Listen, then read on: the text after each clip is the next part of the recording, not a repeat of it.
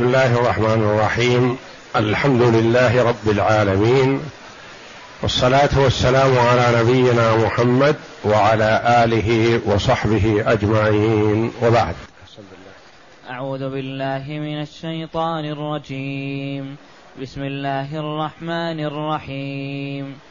يا أيها الذين آمنوا أنفقوا مما رزقناكم من قبل أن يأتي يوم لا بيع فيه ولا خلة ولا شفاعة والكافرون هم الظالمون. هذه الآية الكريمة من سورة البقرة جاءت بعد قوله جل وعلا تلك الرسل فضلنا بعضهم على بعض. منهم من كلم الله ورفع بعضهم درجات. وآتينا عيسى ابن مريم البينات وأيدناه بروح القدس. ولو شاء الله ما اقتتل الذين من بعدهم ولكن اختلفوا. فمنهم من آمن ومنهم من كفر. ولو شاء الله ما اقتتلوا ولكن الله يفعل ما يريد. يا أيها الذين آمنوا أنفقوا مما رزقناكم. الآية.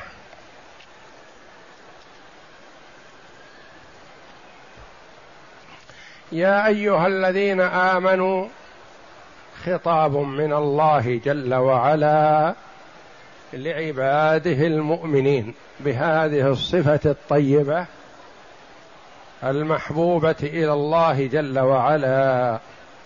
يا أيها الذين آمنوا يقول عبد الله بن مسعود رضي الله عنه إذا سمعت الله يقول يا أيها الذين آمنوا فأرعها سمعك فإنه إما خير تؤمر به أو شر تنهى عنه. وحري بالعاقل إذا أتاه خطاب من ربه تبارك وتعالى أن ينتبه لهذا الخطاب. بماذا أمر جل وعلا أو بماذا نهى؟ عن أي شيء نهى؟ فينتبه لذلك. ويعد نفسه معدودا من المخاطبين مقصودا بهذا الخطاب من الله تعالى.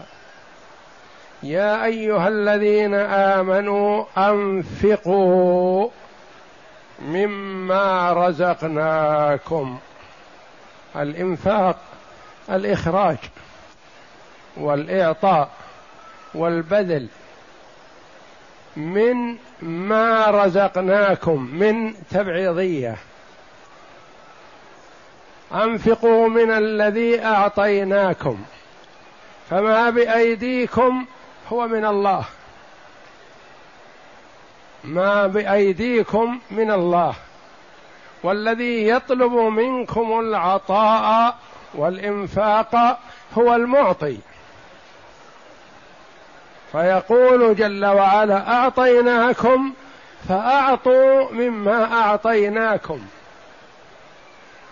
وما أمرناكم بالعطاء إلا وسنخلف عليكم ما يأمرك بالعطاء من لا من لم يعطك وإنما أمرك بالعطاء من أعطاك وأعطاك الكثير وقال أنفق منه من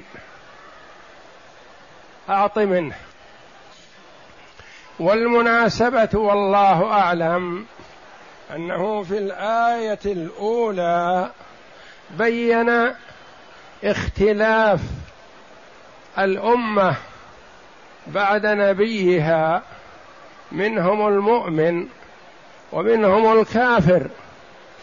ولولا دفع الله الناس بعضهم ببعض لفسدت الأرض. فلا بد للمؤمنين الذين يدافعون الكفار ويقفون في نحورهم لا بد لهم من مال.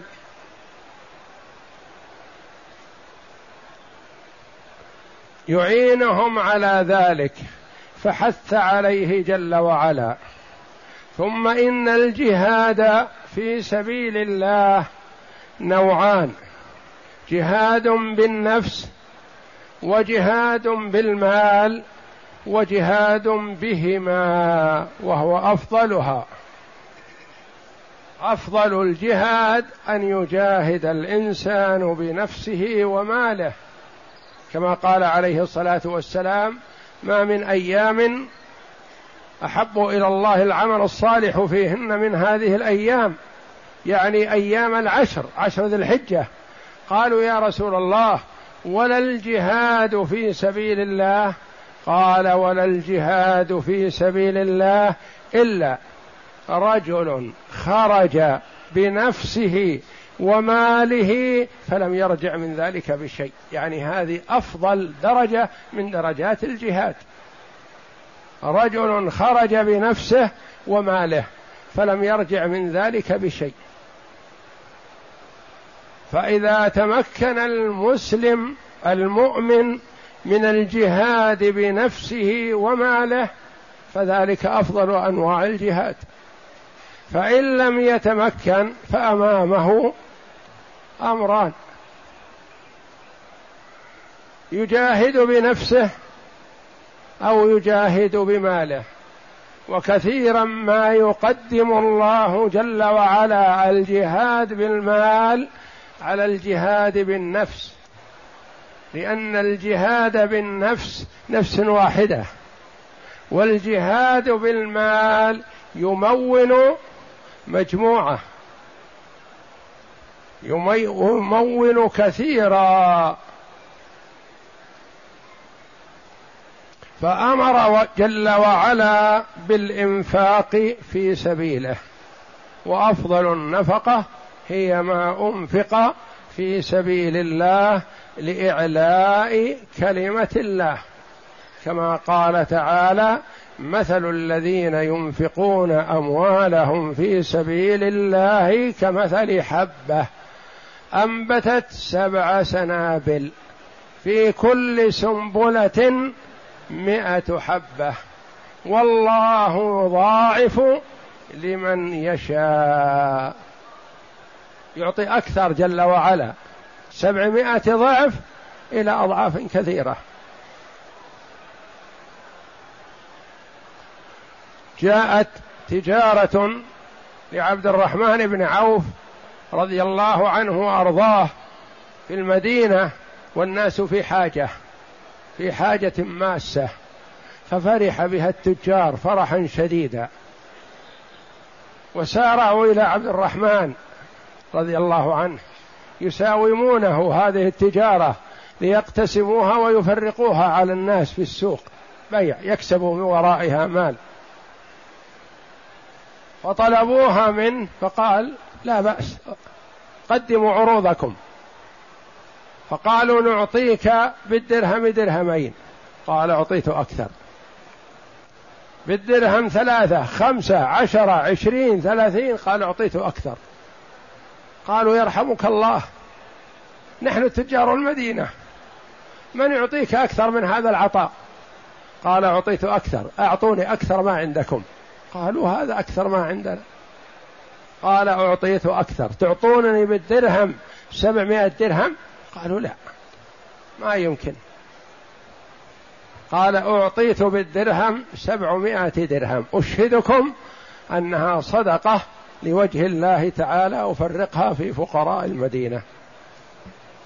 وتلا قوله تعالى مثل الذين ينفقون أموالهم في سبيل الله كمثل حبة أنبتت سبع سنابل في كل سنبلة مئة حبة. رضي الله عنه وأرضاه. يؤمنون بما يسمعون من الله جل وعلا ويطبقونه على أنفسهم. وما يسمعونه من رسول الله صلى الله عليه وسلم فيطبقونه على أنفسهم تطبيق المؤمن. الموقن بهذا الوعد الكريم رضي الله عنهم.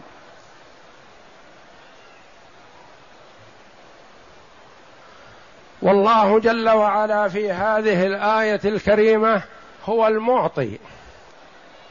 ويطلب ويأمر عباده بأن يعطوا مما أعطاهم.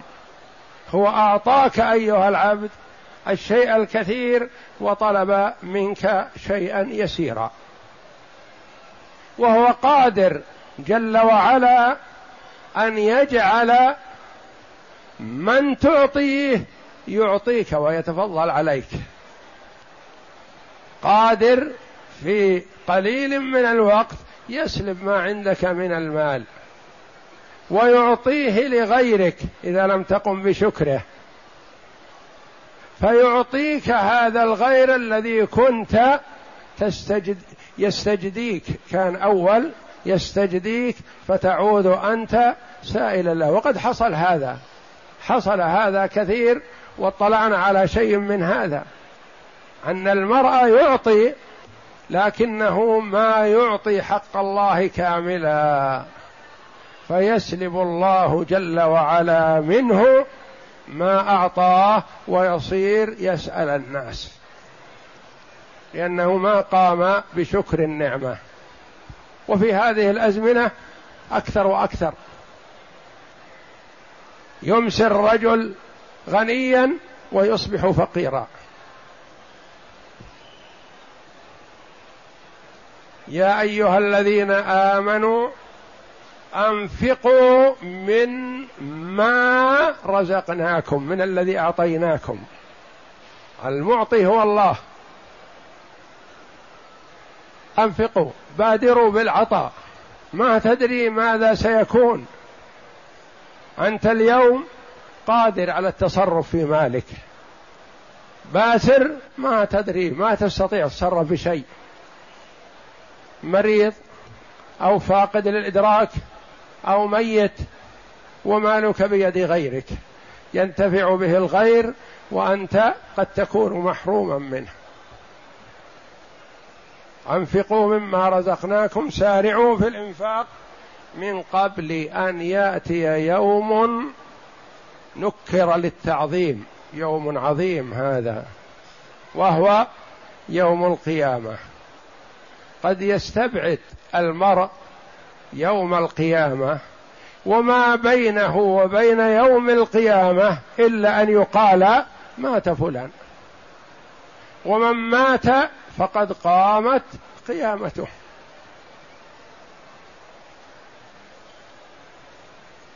يخرج من أهله ثم لا يعود إليهم إلا ميت. فالمبادرة بهذا هي الحكمة والإدراك والعقل. من قبل أن يأتي يوم عظيم يوم هائل. لا بيع فيه ولا خلة ولا شفاعة. رجاء النفع من الغير بواحدة من أمور.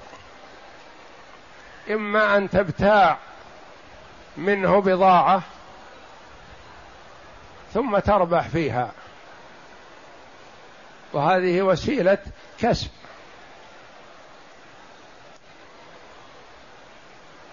ثانية يعطيك أبوك أو أخوك أو قريبك يتفضل عليك بمال أو بعطاء جزيل ما كنت تتوقعه.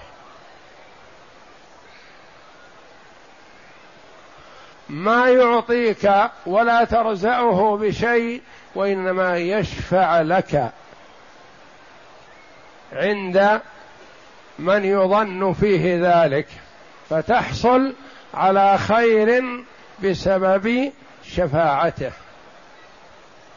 سد الله جل وعلا هذه الأبواب الثلاثة في ذلك اليوم. ما في بيع ولا شراء. ولا محبه صداقه خله والخله أعلى أنواع درجات المحبة. واتخذ الله إبراهيم خليلا.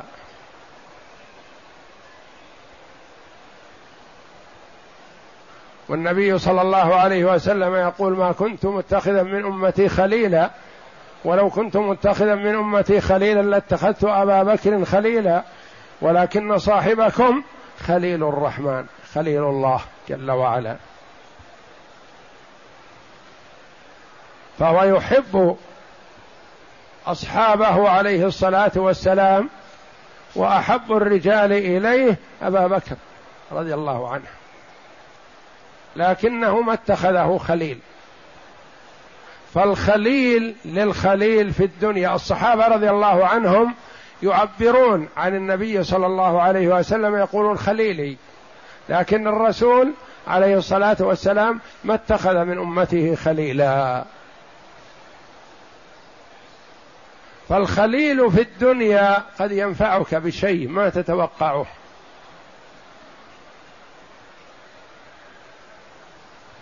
والآخر قد يشفع لك عند من ينفعك.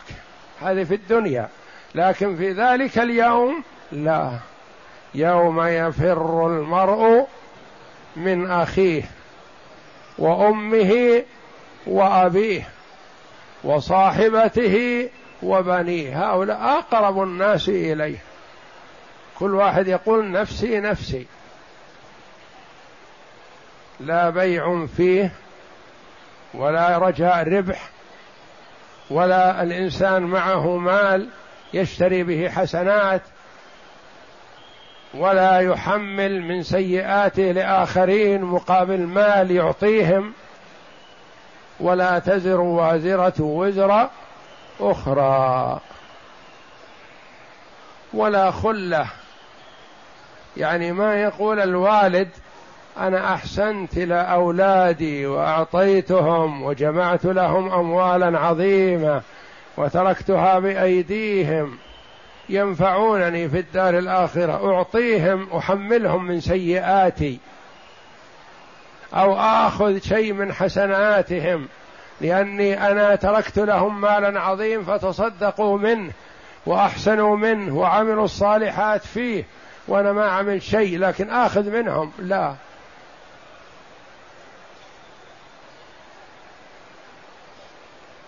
ما أحد يطمع في أن يأخذ من أحد شيئا إلا بحق. القصاص يقتص لبعضهم من بعض حتى إنه لا يقتص للشاة الجماء من ذات القر ويوقف الناس حتى أهل الجنة ما يدخلون الجنة حتى يقتص لبعضهم من بعض. لكن غير القصاص لا ولا تزر وازرة وزر أخرى. لا خلة تنفع ولا شفاعة. ما تنفع شفاعة أحد لأحد إلا بشروط. وهذا يعبر عنه العلماء رحمهم الله من العام المراد به الخصوص. العام المراد به الخصوص. لأن الشفاعة أثبتها الله جل وعلا في كتابه العزيز وأثبتها رسوله صلى الله عليه وسلم لكنها بشرطين أساسيين. رضا الله جل وعلا عن المشفوع له. ورضاه جل وعلا وإذنه للشافع. من ذا الذي يشفع عنده إلا بإذنه.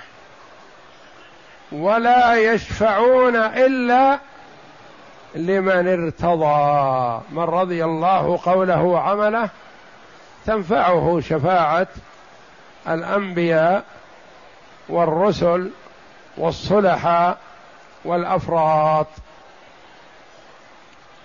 بإذن الله لكنها بهذين الشرطين ما تطلب منهم وإنما تطلب من الله جل وعلا فتقول اللهم لا تحرمني شفاعة أفراطي. اللهم شفع في أنبياءك ورسلك وعبادك الصالحين. اللهم لا تحرمني من دعوة المسلمين.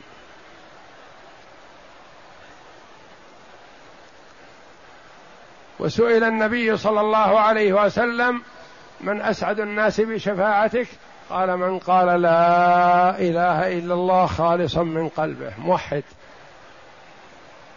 وحد الله ولم يشرك به شيئا. لا بيع فيه ذلك اليوم ولا خلة ولا شفاعة. والكافرون هم الظالمون. قال بعض العلماء الحمد لله الذي قال والكافرون هم الظالمون. ولم يقل والظالمون هم الكافرون. وإنما قال الكافرون هم الظالمون فالكافر ظالم على أي حال. حتى وإن كان بعيد عن الناس أول ظلم صدر منه ظلم لنفسه لأنه أمر بتوحيد الله والإيمان به فكفر به فأضر نفسه ما أضر ما ضر غيره. الكافر ما ضر غيره ولا ضر الله جل وعلا. فالخلق ما يضرون الله جل وعلا وإنما العاصي يضر نفسه. هو الذي ضر نفسه بإيقاعها بالمعصية فيهلك في العذاب في الدار الآخرة. والكافرون والكفر الجحود هم الظالمون لأن الشرك أظلم الظلم. لما نزل قوله جل وعلا الذين آمنوا ولم يلبسوا إيمانهم بظلم أولئك لهم الأمن وهم مهتدون. اهتم لها الصحابة رضي الله عنهم هما شديدا وتأثروا لها. قالوا يا رسول الله وأينا لم يظلم نفسه؟ والنبي صلى الله عليه وسلم علم أبا بكر رضي الله عنه دعاء اللهم إني ظلمت نفسي ظلما كثيرا. انظر أبو بكر أفضل الأمة. يعلمه النبي صلى الله عليه وسلم يقول قل اللهم إني ظلمت نفسي ظلما كثيرا ولا يغفر الذنوب إلا أنت فاغفر لي مغفرة من عندك. فقال الصحابة يا رسول الله هذه الآية وأينا لم يظلم نفسه؟ قال إنه ليس الذي تعنون. ليس الذي تعنون. يعني ظلم العبد نفسه في الأمور في السيئات والمعاصي الصغار تكفرها الصلاة والصيام والزكاة والحج والعمرة والوضوء والخطى إلى المسجد وغير ذلك من الأعمال الصالحة. ألم تسمعوا إلى قول العبد الصالح؟ يا بني لا تشرك بالله إن الشرك لظلم عظيم. فأظلم الظلم وأشده افظعه هو الشرك بالله. والكافرون هم الظالمون. ظلموا أنفسهم بأن صرفوا حق الله جل وعلا لغيره. فالله جل وعلا في هذه الآية يأمر بالإنفاق في سبيله مما أعطى. يعني أنه هو المعطي ويأمرك بأن تعطي مما أعطاك.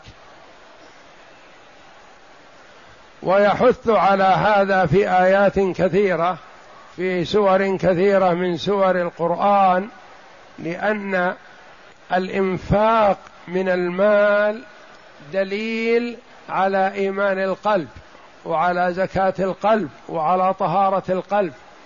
لأن بعض الناس يعمل الأعمال البدنية لكن الأعمال المالية يبخل بها ويشح فيها. خذ من أموالهم صدقة تطهرهم وتزكيهم بها. فالزكاة ودفع المال والإنفاق منه والجود دليل الإيمان. عمر رضي الله عنه يحرص على أن يسابق في الخير ويمكن ما ينافسه أو يسابقه إلا أبو بكر. حث النبي صلى الله عليه وسلم يوما على الصدقة فخرج عمر رضي الله عنه وأتى بنصف ما يملك. وقال في نفسه اليوم أسبق أبا بكر.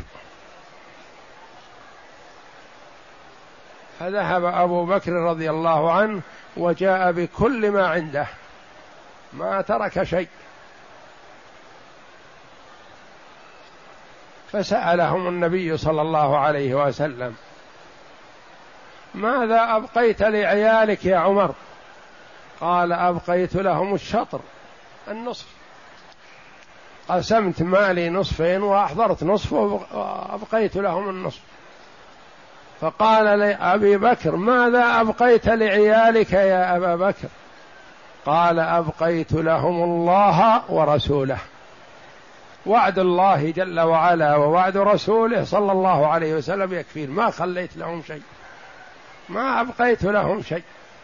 فقال عمر رضي الله عنه لا أسابق ولا أنافس أبا بكر بعد اليوم. أن عمر أحضر النصف وأبو بكر أحضر كل ما عنده. إيمانا بوعد الله ووعد رسوله صلى الله عليه وسلم. فالعطاء من المال دليل الإيمان بالله جل وعلا. ودليل التصديق وهو دليل على صدق المؤمن في إيمانه. ولذا سميت الزكاة زكاة لأنها تزكي القلب. تطهر القلب من النفاق. وتزكي المال. تطيبه وتحسنه وتخرج منه ما فيه من المؤذي. فهي زكاة وطهرة. وقوله جل وعلا من قبل دليل المسارعة وأن الإنسان ما يدري متى يأتي هذا اليوم وأن عليه أن يسارع. إذا هم بالخير فلا يمهل لأنه لا يدري متى يفاجئه الأجل. وعرف الكثير منا أناس كانوا يتصرفون في أموالهم ثم خلاص توقف تصرفهم. كان يتصدق ويعطي ثم خلاص توقف. فقد الإدراك فقد الوعي فقد حسن التصرف. صار ما يتصدق بشيء ولا يقدر يتصرف في ماله بشيء. وغيره ما يستطيع أن يقوم عنه بشيء إلا شيء قد نفذ من قبل. وأما من جديد فالقيم على الكبير والقيم على الهرم ما يستطيع أن ينفق من ماله شيء إلا نفقة واجبة الزكاة ونفقته ونفقة عياله الواجب ولا يتصدق عنه بريال واحد.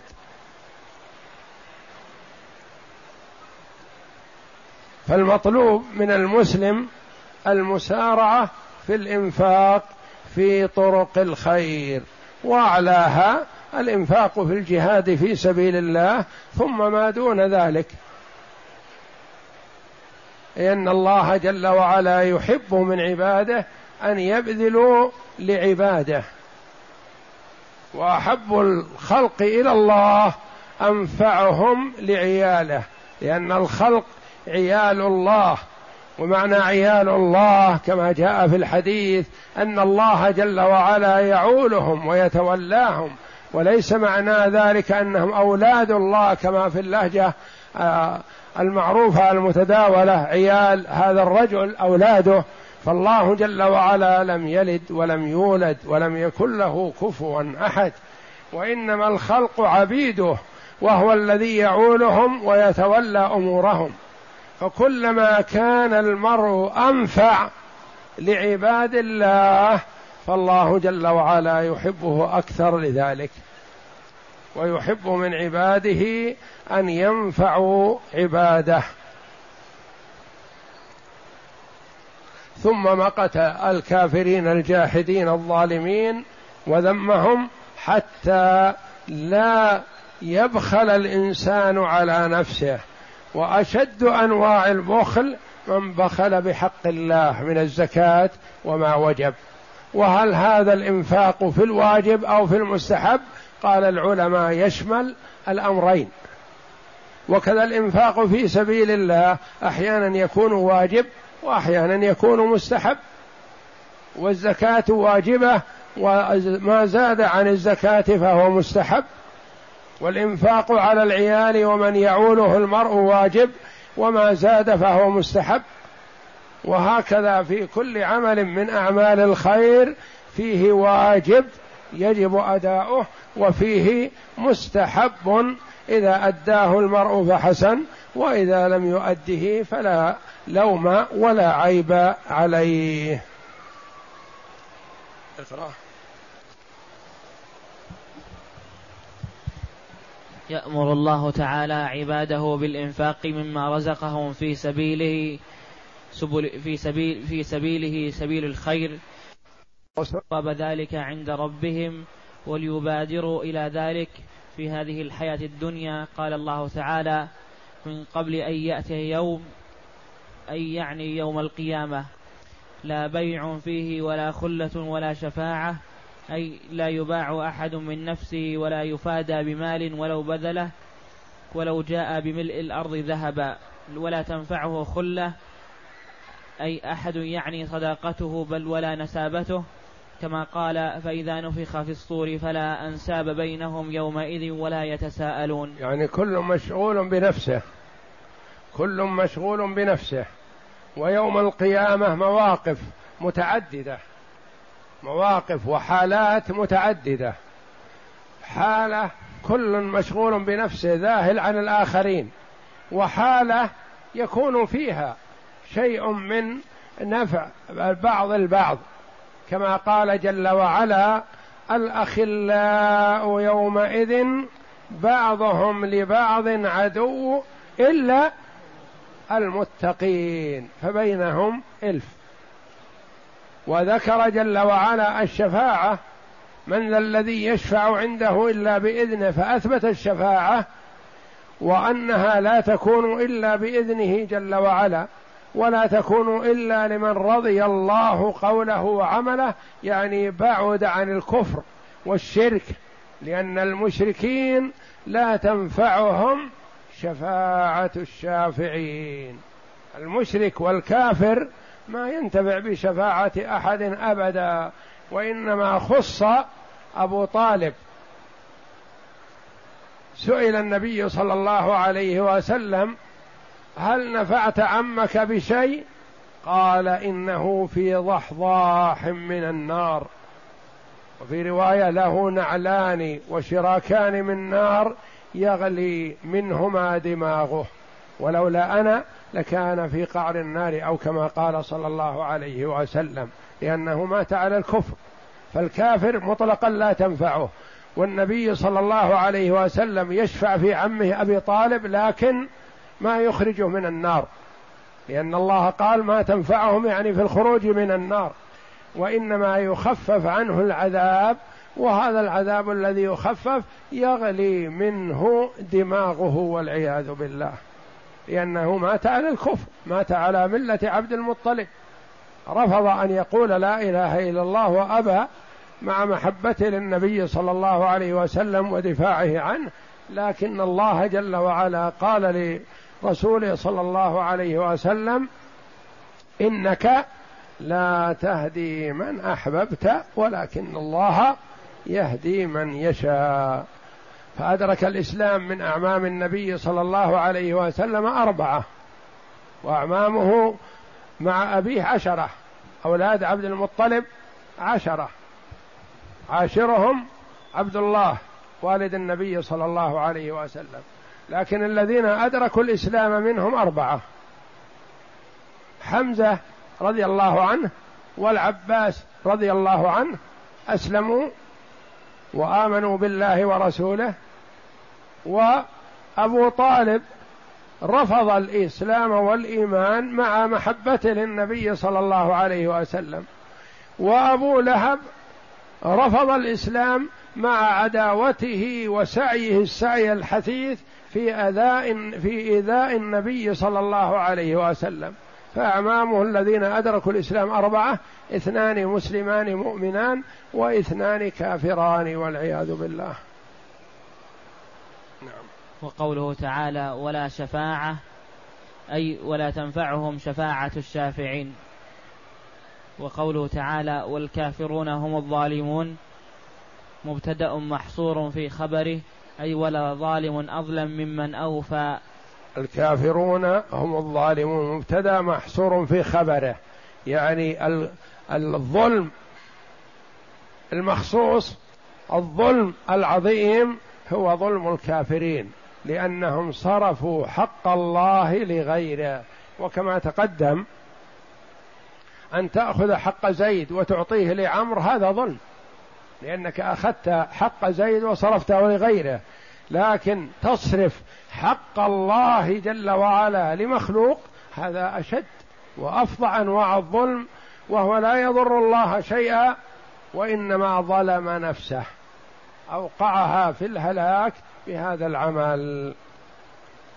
وقد روي عن عطاء بن دينار أنه قال الحمد لله الذي قال والكافرون هم الظالمون ولم يقل والظالمون هم الكافرون.